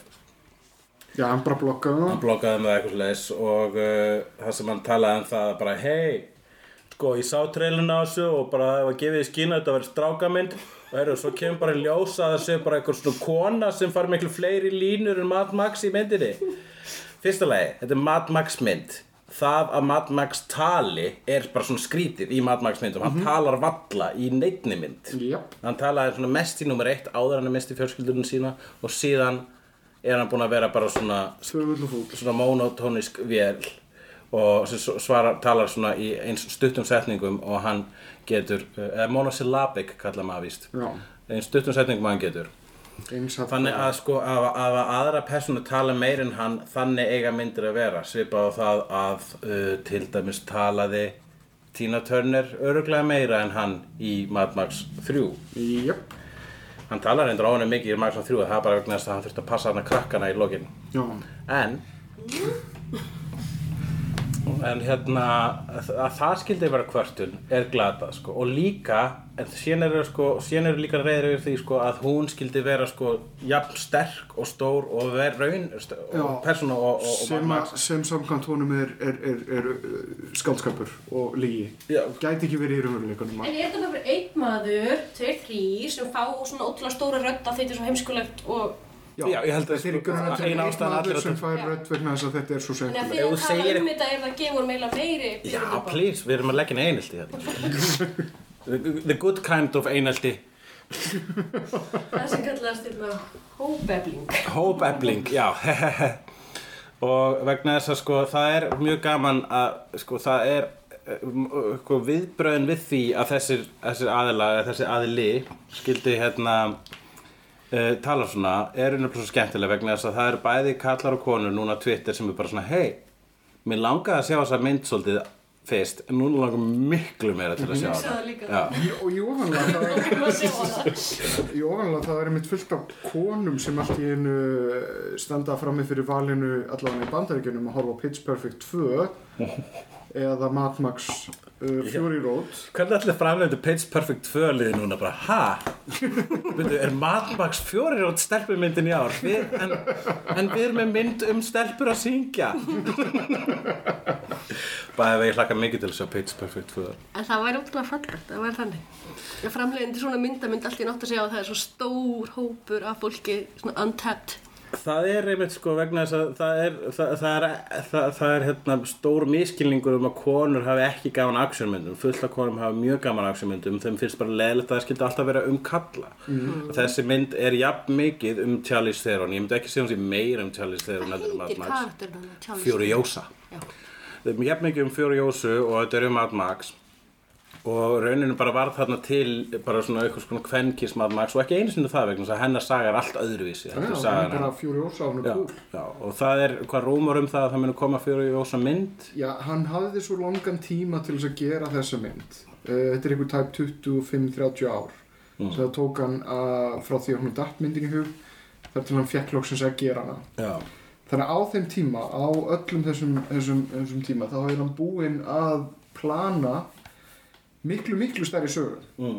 Og uh, hann er enda svolítið þreyttur okkur núna, ég, hann var spurður bara svona fimm dögum eftir frumsýningu, ég ætla að gera, eitthvað meira, svona, veist, ég bara leiði mér að ná andanum fyrst. já, En fyrir þann tíma þá sagði hann bara hreint og beint út, ég er með tilbúið handrit, bara, að verður það þá bara fyrir Jósa og engin Mad Max að, þú veist, I'm all for bara en ég fá Max- Mad, Max Furiosa. Mad Max típitu fyrir Jósa Já. ok Ég vil ekki missa Mad Max, sko Menna, veist. Eh, En síðan er líka eitt nefnilega þú veist að Mad Max er, er, er, er vega mikil þáttur í þessu en hann er ekki einn sanna hetja einhvern veginn í myndar Nei, Sanna heit, hún er the protagonist, hún Fjóri Jósa í þessari mynd. Hann er, jú, jú, hann er, en málið er það, sko, hann er hetja, vegna þess að hann, sko, þú veist, án hans myndi mjög, þú veist, myndi, þú veist, sögurþráðurinn ekki bjargast, myndi góðkallin ekki vinna. Þetta er fólk að vinna saman Já. en að sama skapi þá þú veist það er hún sem að er manneskjan sem að tekur ákvarðanir sem að keirir myndin á stað, keirir sögun á stað Þessi mynd fjallar svolítið um það að Mad Max er búinn að vera út í þessum heimi óslega lengi og hann er búinn að, hann, eins og að, segir í voice-overinu upphæða myndarinn, ég veit í hvort, hver er brjálæðari, ég eða allir hinir. Mm. Þannig að hann, hún finnst hann vera sér á bátið. Þetta er mynd sem segir frá því þegar hann kynnist allt inn í jafnóka sinu, allt inn í hittir hann aðra manneski sem að er hugsalega jafn, með sama hugafar. Byrja þau hann. Að- Nei, þau byrja ekki saman, engin En segir mér romantík. sann, hver- hvert er það hans hlutverk? Ég er búin að ykkur bara tala um hana Hans Er hann hlutverk, bara narrator? uh, na, hans hlutverk er svolítið sko, hann flækist inn í þetta Já, hann- flækist inn í hennar sögur Það er hans ein, hlutverk. ha, ha, Ok. bæði með Mad Max 2 og 3 þá er það hann sem að sko óviljugur lendir í þessu æventýri og svo er hann alltaf komið með eitthvað ábyrgð það er alltaf að bjarga ykkur fólki hann, bara svona, hann nennir ekki að fylgja samvisku sinni vegna þess að hann vil bara helst halda áfram að keira út í auðnina og hann getur hann deyr. En svo allt í hennu alltaf flækist bara svona fyrir og verður hann alltaf myndur á það að það er til gott fólk í þessum heimi og hann þarf eiginlega að hjálpa þessu góða fólki. Hann er nefnilega á mestan hluta tímans að reyna að sleppa í burtu á flóta en síðan er bara að borga sig að vera með þessu fólki frekar en öðru. En hann er mjög pragmatískur maður hann, hann Max, mjög. Þegar þið horfið á svona myndir, ímyndi ykkur þetta að segja svona væri hugsanlega raunveruleiki ykkur tíma? Það er bara, það, þú, sko, áttu við allar myndir sem við horfum á? Nei, svona dystopíumyndir sko. Já, uh, Það, sko, heimurinn sé rauninist Ma- að stefna í glötun og við býr- hugsanlega að. maður býr til svona lítið rými fyrir það að þetta hljóta að vera á einhvern hátt raunverulegt til þess að persónulega, geta fallið inn í, inn í skaldskapin persónulega fyrir mig þá hafa sko dystopiska, sérstaklega post-apocalyptic myndir alltaf verið ekstra miklu uppáhaldi hjá mér. Ég veit ekki hvers vegna, en alveg síðan ég sá, þegar ég sá sko Mad Max fyrst sem ell- 11 eða 12 ára krakki, þá var ég bara svona, þá, ég vissi ekki, þá var maður búinn að sjá Star Wars og maður búinn að sjá eitthvað svona fantasíur, eitthvað Conan og eitthvað svona, hérna, nei ég var ekki svo búinn að sjá Conan þá, en ég er búinn að sjá svona allavega horror, ég er búinn að sjá fantasíur, ég er búinn að sjá sci-fi. Ég var ekki búinn að sjá þessa gerða af sci-fi sem er næstu anti-sci-fi vegna þess að það er allt eðlagt þarna og tæknin er dauð. En ég hafði ekki gert ráð fyrir þessum heimi og þetta er ekki eins og sko hlutfarslega þá er rosalega lítið af svona post-apocalyptic myndum. Mér finnst sko bestu post-apocalyptic myndinar vera Mad Max 2 líklega þessi hérna, þrjú, ég set þess Mad Max 2 og Mad Max 4 eða 4 rót á sömu heillu. Já. Finnst það bara jafngóðar, ég get ekki þar eru bara, þetta þú eru ert svona sískinni, búin að horfa það oft á, á, á tvö. Já, að hún hefur alltaf sérstaklega staði hjartaðinu og líka þegar ég horfa á tvö bara, ég vildi vera til önnur svona mynd. Og núna er hún til, það er þessi mynd. Í alvöru? Já. Gerðum það alveg? Og það var það góð mynd fyrir þig? Þetta var bara svona, ég trú ekki, þetta, ég var, þú sá, heyrðir, þú veist, varst í bílnum að leina tilbaka í gær. hann var eins og að vera fullur. Hann var svona reynda, ég hann reynda, gekk aftur í bardóm skilja hann bara uh, uh, uh, uh, Rak- Rak- Raggi var hann og hann reyndi eitthvað, var eitthvað að tala um prúðuleika þættina og ég bara, já, eru, allir er, reyndi að segja eitthvað um það, já, þeir, þeir eru eins og, hérna, fyrir, sem þeir, um, gæti ekki sagt, þess að Mad Max 4 var En þetta er eitthvað sem gerist aldrei. ég kom bara, var hérna heim og þagði í Ferris sófanum úr Bueller lengi, sko. ég meina ég tók til dæmis uh, Já, nælu og ef þú fengir allt í einu ferri spjúler aftur. Þetta var þetta- þetta er góð. svipuð tilfinning Ég. Önnur, jafn, góð ferri spjúler eftir sama gaur og gerði ferri spjúler sem er ekki hægt vegna svona dáin. En þetta var þannig tilfinning. Uh, En það, ég myndi segja sko að þær tvær og hugsalega The Road séu bestu post-apocalyptic sem ég séð. En The Road er ekki beint entertainment maður verður þunglindur á að horfa á hana. Þannig að ég mun líklega bara ég held að ég ætla að fara aftur á fjóri rót í bíó. Mm. bæði við ókysla gaman að tókköttur vondikallin í Mad Max 1 leikur vondakallin í þessari. Ok, já, já og um, hann er Mortan. Og bara svona mörg lítið, það er þetta að minnast á mörg lítið latriði, en það, sko, það finna er sko, í sambandi af feminiska dæmi, ég hefði aldrei spáð í því að þetta væri feminisk mynd innan gæsalappa, ef ekki það hefði komið umræðina bara núna. ég, er búin að vera að mynda að pæla í þessu vinkli að að gera feminiska mynd. Um, ég held að þetta sé meira spurning um það að gera mynd sem hallar ekki á konur Eh, Svo, eh, eins og George uh, R.R. Martin segir bara, hérna, I like to think of women as people, og það var nákvæmlega sem gerist í þessari mynd, sko. þetta er einmitt það að, að það, það er komið fram í konunar þarna, en þetta er endar á sama tíma, þetta er patriarki þetta er Já, það líka, sko, það, er literal patriarki sem er, sko, það, er bókst, það getur ekki verið bókstaflega feðraveldi í þessari mynd, þess að maður, fóringin í vonduköllunum, eh, hans, hans hann er þing er það að vera pappi allra. Já. og hann er með, hann er með kvennabúr sem hann er stanslaust að barna og misnota þess að búa til, hann er með mjólkurkýr. Sem eru er með- konur sem að, sem hann sagt, mjólk, að læta mjólka konur í þessari mynd, Mother's Milk. Og hún er, þetta er vondikallin og sinirnir Það er bara mjölkin út í Sirius þeirra.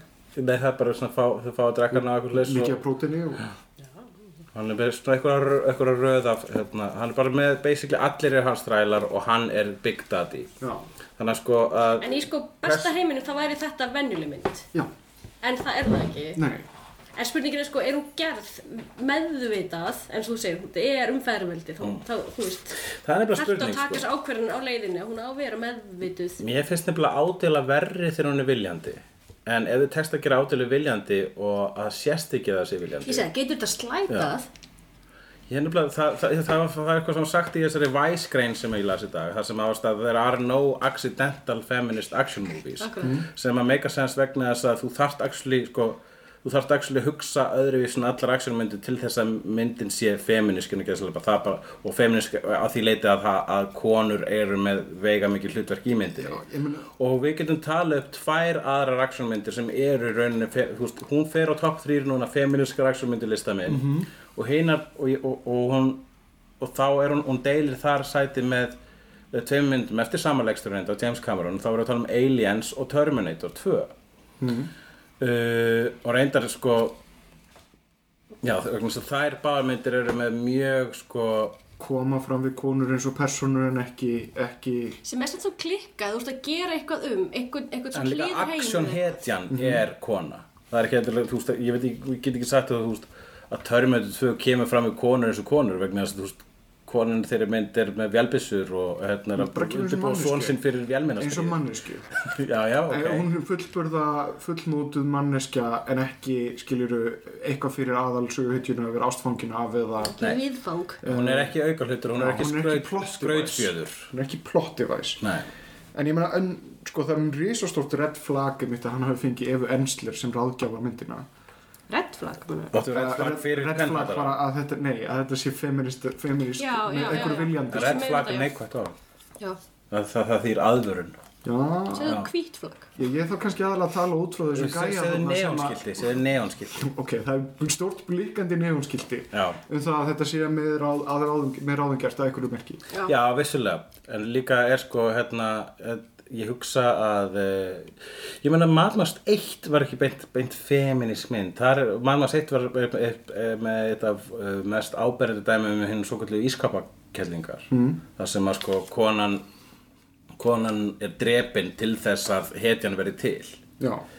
Uh, og þannig varð Mad Max til. Og það, ef, það er vissulega hægt að gaggrina Mad Max 1 þú veist, út frá feminísku fórsöndum fyrir það en uh, ég hugsa að Fury Road er búin að veist, bæta gjössalega upp fyrir það og gott betur. Sko, þú sérð ekki til dæmis eins og hérna á tímabili er sko, eru í góða liðið eru sko svona 95% konur já, og Mad Max og eitt strákur. Já það er plottpoint þarna sem við skulum ekkert fara út í. En töff væri ef að vondaliði væri konur. það Þá er, erum við komin, það er, Aðeins lengra í. það, það, var, það var mjög cool að geta skrifa þannig ég er nefnilega að vinna einni myndasögu sem á að vera þannig sko að hérna sem að eru sko um feminasista og ég, ég er vandræði með það sko, mér lákar svo að skrifa svo sögu en ég bara hvernig get ég gert það sko vegna þess að það væri nefndir óskandi sko að bæði feministar og andfeministar myndu hata mig fyrir að gera þá sögu. Nei, það myndi ekkert hata því, af því þú veist, konur þurfa að vera síndar í öllum hlutverkum, allstaðar. Nei, en allavega ykkur er feministar, ekki allir. Þú vilt Þú bara- Það fyrir eftir því hvernig þú gerir þetta. Já, en ég er að segja bara að ég held að, sko, já, ok, ég, ég, ég, ég ætlaði að mynda að spyrja þig út auðvitað, Óla, og, hérna, og aðra feminista. Það er að hvern Bara feminista. senda okkur öllum e-mail, við erum með e-mail á þessu. Já, er, eru þið ekki allir sami klúbi? Þeir eru líka alla sammála. Ég tala samt fyrir okkur, þannig að, Já, en e, já, það, með, það var ókslega gaman En það er, e, ég heldur við sem að detta inn á það að geta gert það auðvitað En það er ekki langt síðan að það var erfitt að gera það skilja það ekki. Okkur, e, Já, þú sko, það, hvað þú skrifar.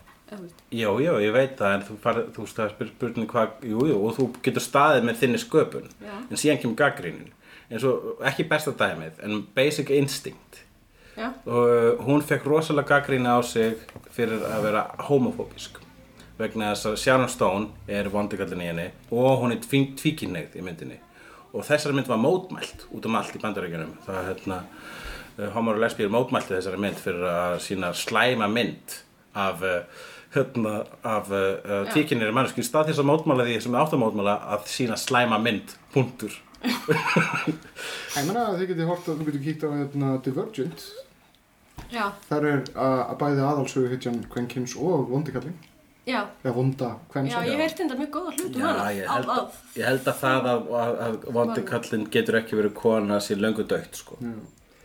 En þú veist, það þarf ekki að vera gæti eitthvað svona kúila eða eitthvað, það þarf ekki að vera eitthvað ein sem er með... vondi kallinn er matnast þrjú kona nema hún var sko ekki einu sinni það vond hún var bara að hugsa um sína fjölskyldu sko. hún var mjög viðkunnulega alla myndina Tina Turner Ok, hér af vondum konum. Her af vondum konum. næst?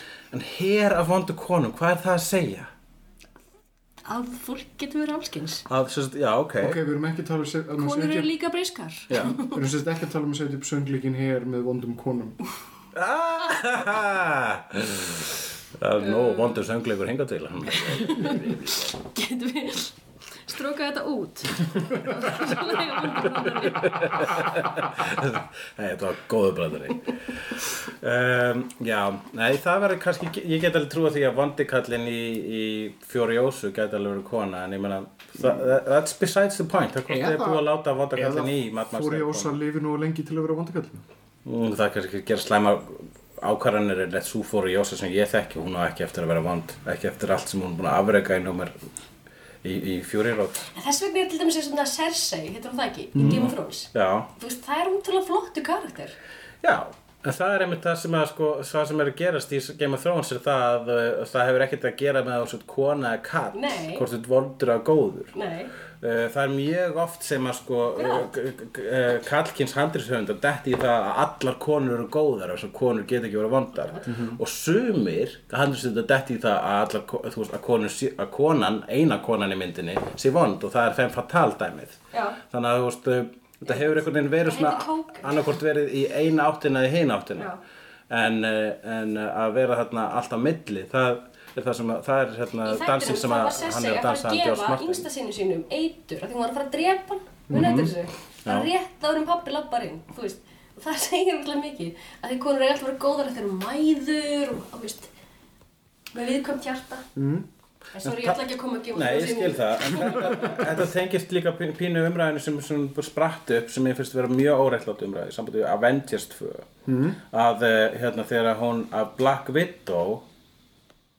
að það sé þú veist, einhverjir hafa álítið það sem eh, svona veikleika eh, þú veist, að þegar Joss Whedon skrifaði þetta dæmi með það að hún var í ófrjó mm. í Avengers að það hefði einhvern veginn bara að hann redúsa hana í að vera ófrjó að þar að leiðandi þá var hann ekki fullkomin kona og bla bla bla bla bla það var það finnst mér vera sko mjög óreittlátt umræði vegna þess að ég get ekki sé hvernig Black Widow er eh, óf, er einhver, ein, er einhver svona einföldun á, á eða, eða einhver kvenkins klísja í Avengers þetta er önnur klísja að þurfa að hafa Já. sem pjúra hetju Já. uh, að hún megi ekki vera anthetja, hún megi ekki hafa stærra range heldur en bara vera góð og frábær það er vandamál skilju, það er eitt og sér vandamál. Það er sem að Black Widow er búin að vera sparka í rassa alla myndina, alla myndinar og fram, og fram að Avengers 2 og svo í Avengers 2 þá kemur ljós þá, þá, þá, þá opnar hún sig já, og, og talar um það hvað hún er leið yfir það að vera að- og þá er það allt í Sko, því að- mótmælt vegna þess að hvað? Á, ekki leiti á á hana sem ymingja kettlingu. Ef það var mótmælausu þá var það ekkert út, ekkert út í, í Joss Whedon að sagast heldur Scarlet Witch. Vegna það var hún sem að setti þetta, þetta mojo á alla karakterina sem var þess valdandi að þau verðu öll meir og skrítin. Þau eru byrjað að vera sjálfskoðund Já.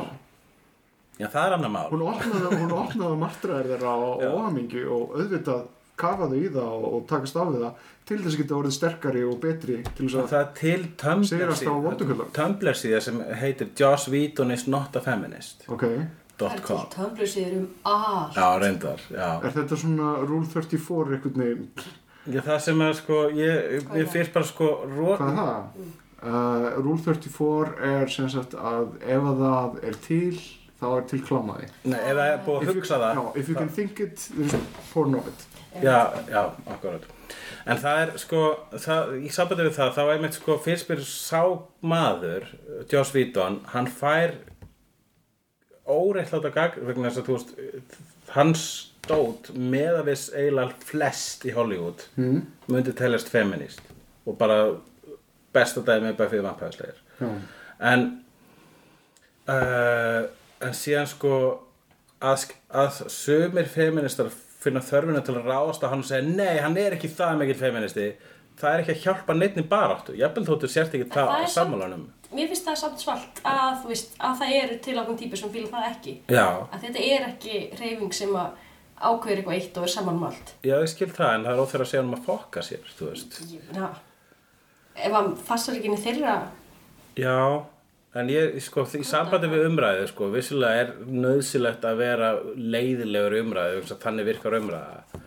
En mér finnst ekki vera, sko, persónulega bara að bögga mig þegar fólk er eitthvað svona, "Ah, hvað er að þér? Í Og, og svona gaggrina hvað öðrum finnst í stað þess að uppheifa það sem þeim finnst.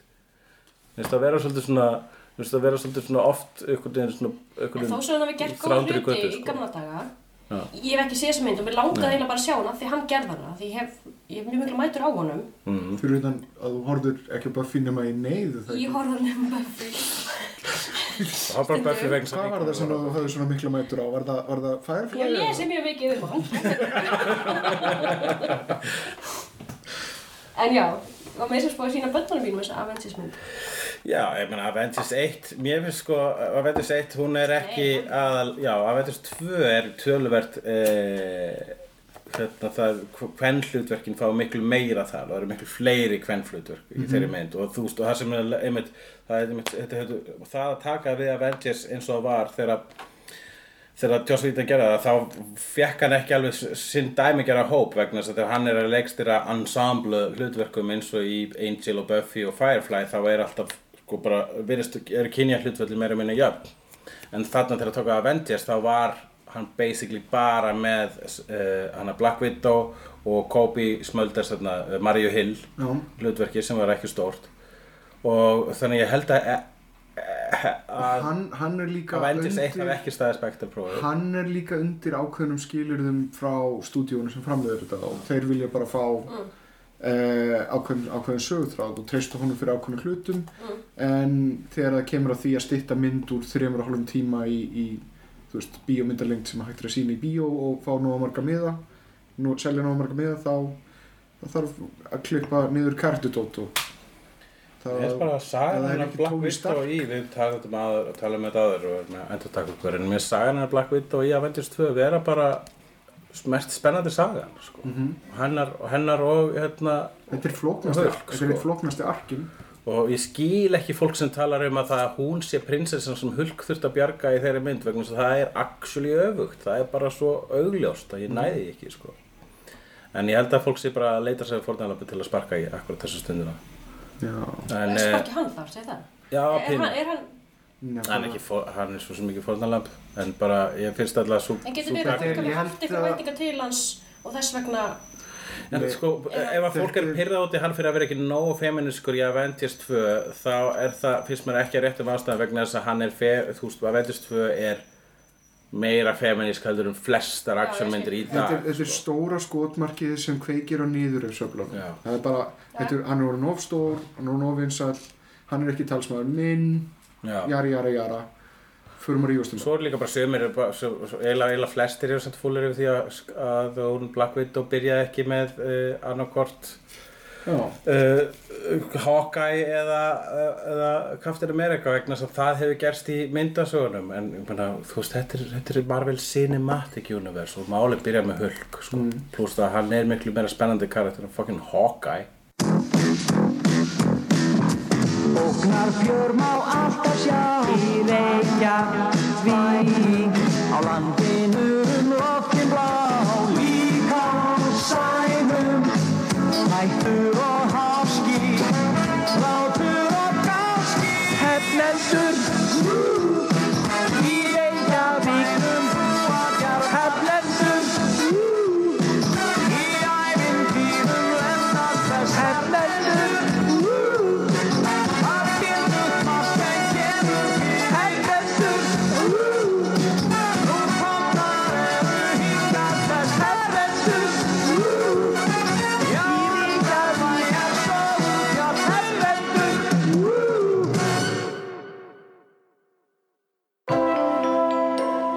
fleiri skemmtilega alvarpstætti á nútímin.is.